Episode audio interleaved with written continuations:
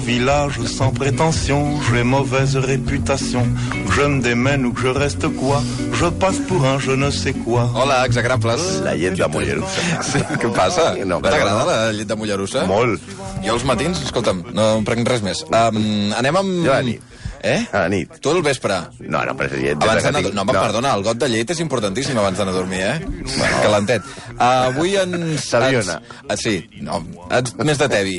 Hi ha gent... No, jo al matí... Jo no prenc llet des de que tenia vuit anys. Ah, sí? Has, pa- has parat, està bé. Um, Santi Malcom, bon dia, Malcom, eh? Bon dia. Uh, avui els execrables a mi em fan molta por. No, per què? Em fa molta por el personatge, perquè ha quedat, ha, és d'aquells que ha quedat a la història de la humanitat com un eh, personatge gairebé, diria, virginal, eh, sí. una imatge pura i... Una zombada. I... Com? Una zombada. Una zombada, eh? Vale. Bueno, Perfecte. avui sí, Qui és veritat, ens ocuparem d'explicar el que tu deies, no? Un suposat conte de fades.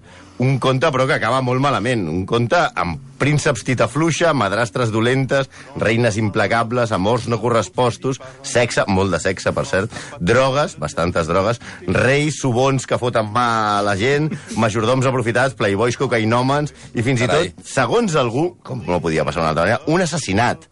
Un conte on la princesa, la protagonista, lluny de ser un exemple de virtuts, és una manipuladora, inestable, cops violenta, una desequilibrada superficial, una dona fantasiosa, bastant insuportable, però una víctima al cap i a la fi, perquè de fet acaba morta. Avui parlem, és clar, de Diana Spencer, Lady Di. No. Lady Di no, eh? Sí, home, sí. Lady Di Lady no, Di, eh? Windsor i tota la colla. No, home, però, però Lady Di, però si no té res de dolent, Lady Ja, Di. ja, ja ho veurem, ja. Val. Mira, escolta, Què és això. aquesta música? A veure, puja, puja. Això és la música amb la que Lady Di i el príncep Carles van entrar a l'abadia de Westminster al seu casament. Ah, O sigui, només sentint aquesta musiqueta jo es podria imaginar de quina mena de personatge estem parlant. Algú que entra a l'església el dia de la seva boda amb la música d'Ava, amb gaita... ah però ja, un- va, això? Mira que no ho he reconegut. A veure, puja. La van compondre Ulvadeus i l'altre. Ah, Que me'l vaig trobar un dia en un hotel de Tarragona. Aquí? A un dels dos. a un de... Ah, o va, no? Tranquil. bueno, això ja, promet, ja es veu que promet moltes tardes de glòria. Lady Di potser no ho són els de l'ESO, però fa 25 anys era la dona més famosa del món. Més que Lady Gaga, Belén Esteban i Selena Gomez juntes. Mm. Li han escrit més biografies que a Elvis i ha sortit en més revistes que les Campos. Estem parlant d'una veritable icona. Comencem per la boda. Lady Di era una noia, doncs, com tu deies, molt virginal i que en, anònima, que es fa mundialment famosa al juliol del 80, 1980, quan es promet amb el príncep de Gales. Ella és una noia eh, modesta, molt maca, de 20 anys, i ell és un merluzo de 33 que ja semblava que mai es casaria. I no perquè el nano no tingués cap gràcia, que no tenia, sinó perquè la dona que estimava estava casada amb una altra. Però no avancem a conteixements.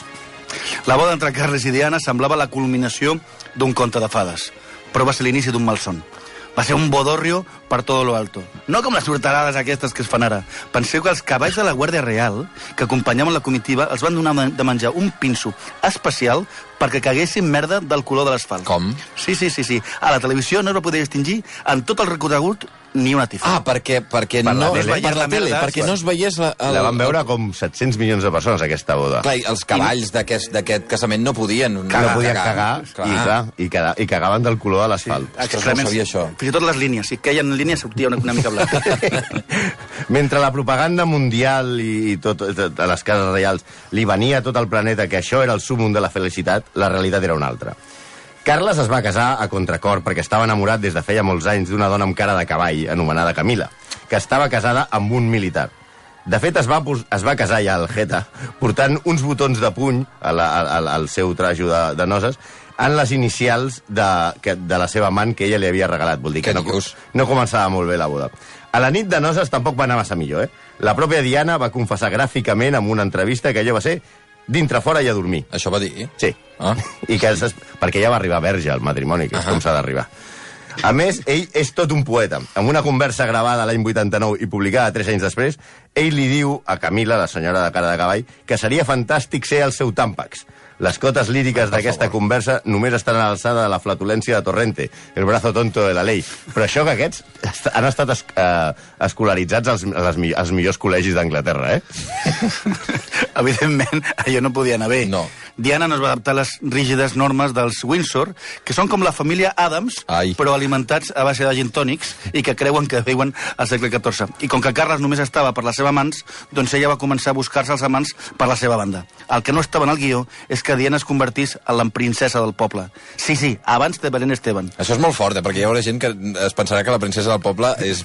És que no, Belén Esteban no agafa la Diana de Gales. Exacte, exacte. Dos ties que tu les veus i són iguals. No, home, no. Lady, Lady D i Lady B. La, la seva popularitat va eclipsar a tota Quanta, la família. tenien, tenien aficions comunes, no saps? També, eh? Sí, això sí, això sí. Això que la, la, la, la popularitat de, de Diana va eclipsar a tota la família reial, que això és molt fort. Mm. Com a bona princesa, Diana va parir dos fills, que per això les tenen les princeses. El primer és de Carles, que serà el següent rei d'Anglaterra si algun dia es mor la, la senyora aquella. El segon es suposa que també, però resulta que el xaval té un sorprenent semblança a un militar anomenat James Hewitt, del que Diana va confessar haver-se enamorat bojament. Perdona, el segon fill? Eh, Home, jo només et dic que s'assembla molt al James Hewitt. Ah. I no dius res més, no? I, que, I que Diana va confessar que estava enamorada, bojament, de James Hewitt. El tal Hewitt, que és un jeta i un cara dura, després va explicar tot l'embolic que va tenir amb la Diana amb un llibre que té l'enigmàtic títol de Una princesa enamorada. El van enviar al Hewitt a la Guerra del Golf perquè no emprenyés més, però en principi allò va assumir a Diana amb una depressió, la primera de moltes de les que va tenir la princesa. Sí, la veritat és que Diana no parlava de plorar i cada dia pensava que com, que com es llevaria amb la notícia de la mort del seu estimat a la guerra. Com si les guerres aquestes fossin com les d'abans, que moren, que moren els anglesos. Com si hagués anat a les creuades en lloc de... Sí, sí, amb, amb una espasa. Sí. I això sembla colpidor, no? Doncs no.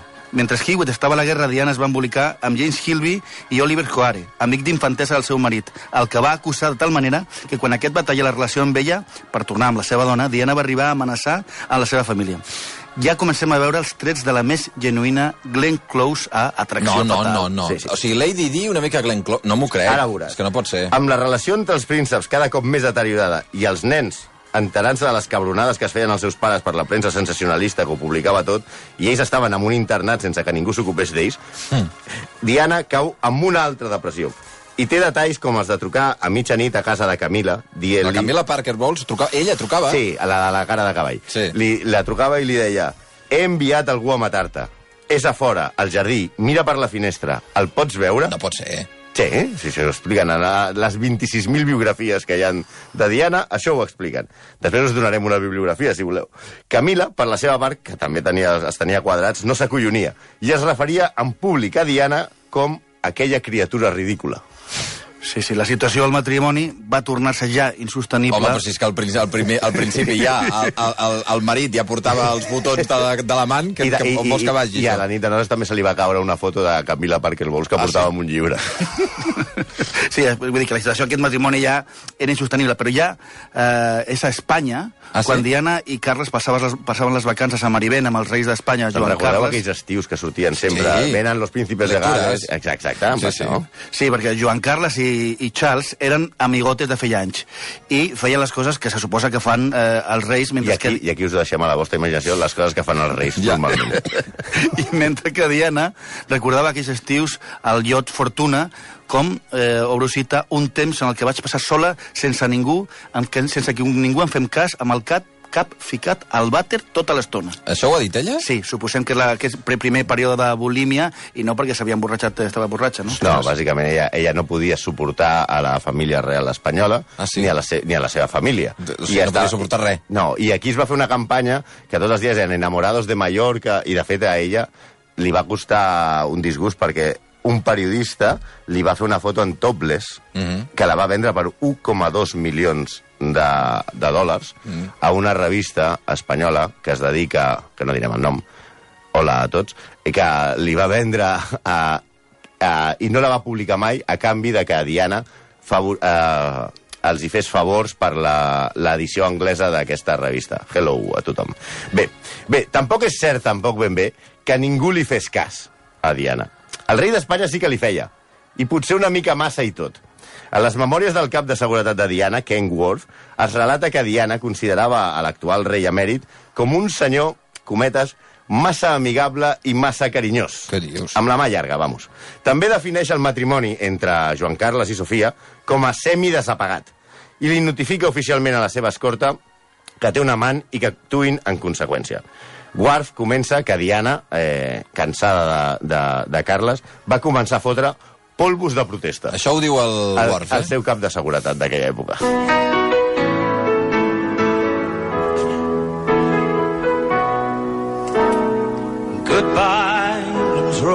Podia faltar el Tom John, parlant de Lady Di, la cançó que va cantar el Fornal. Fornal. Però clar, és que, és que ara estem dirigint-nos ja cap al final, no? Sí, ens hem saltat algunes coses. Val? Sí, la, la veritat és que no es pot ser més cursi que aquesta, que aquesta cançó, però bueno.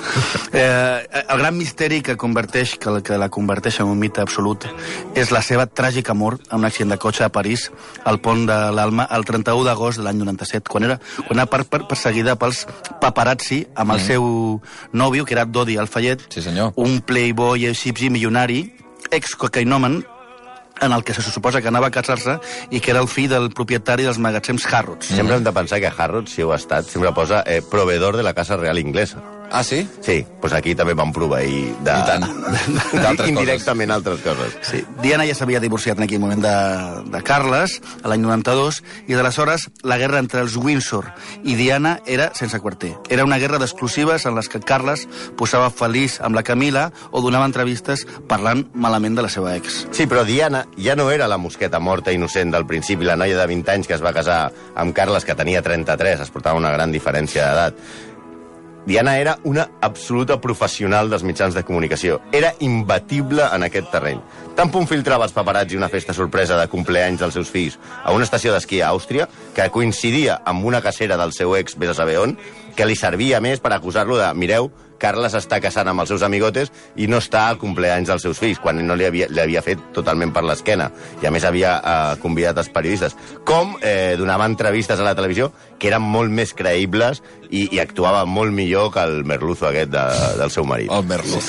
La veritat és que la, favor. la capacitat de, de, dramàtica de Diana era imbatible. De fet, li va demanar a Kevin Costner ser la protagonista de la segona part de El guardesquenes. Però què dieu? Sí, sí, sí. Això ho ha dit Kevin Costner. Que, o sigui, la, la pel·lícula El guardaespaldes... La segona part Whitney Houston, Sí. la segona part... Ella volia ser ella volia la protagonista. Ser la segona part, sí, sí. sense cantar, eh? I, Farem. i, i, I les seves biografies i entrevistes eren obres d'art. La seva famosa entrevista a Martí Bashir a la BBC, Sí, coincidint el, vuit- vuit- que- en el que 80, 48 aniversari de noces de la reina d'Anglaterra, va congregar 20 milions d'anglesos davant de la tele i va fer necessari que les centrals elèctriques del país augmentessin la producció. Va ser l'entrevista que va culminar amb una frase per la història. En el meu matrimoni, des del començament, vam ser tres. Oh, sí, Sí, és veritat. És aquesta. I és clar, un amor com la seva no podia estar exempta d'una teoria de la conspiració. És, és que es va debatre molt sobre com va morir és- és- Lady Di. Hi ha teories de l'amor per tots els gustos. Mira, hi ha tantes, tantes opcions que ni Oliver Stone s'ha atrevit a fer una pel·lícula avorrida sobre el tema.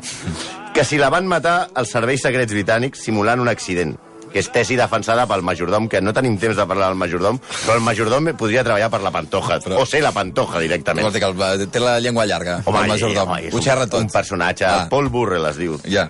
Eh, per deixar... Això és el que diu ell. Els Això- serveis britànics Sí. van matar Lady Di. Ah, diu perquè Lady Di, 11 mesos abans de tenir l'accident, li va dir que Carles la volia matar amb un accident de cotxe, tallant-li els frens del cotxe, i, ha, i ell explica que hi ha una tàctica dels serveis secrets anglesos, que és la de fer-se passar per paparazzis, posar-se Ja. davant del cotxe, disparar amb un flash especial que cega el conductor, Ai, i hi ha, un, hi ha un altre cotxe que toca lateralment el cotxe quan el conductor és cegat i s'estampa contra la columna al pont de l'Alma. Per això és la teoria del majordom. Aquesta és la teoria del majordom, que Val. sempre ha dit... ha defensat- Especialista en serveis secrets, com podeu que ha imaginar. defensat, Sí, sí, ho sap tot, eh, Que ha, el defensat, que ha defensat sempre que hi ha un cotxe que xoca amb el, amb el Mercedes, Sí. on anaven Dodi i, i, I Diana, Di. que no s'ha sabut mai eh, on està. Uh -huh. També hi ha la teoria del pare de Dodi Alfayet, Mohamed Alfayet, que diu que els serveis secrets també van assassinar Di perquè estava embarassada i que la família real britànica no podia permetre mai que hi hagués un musulmà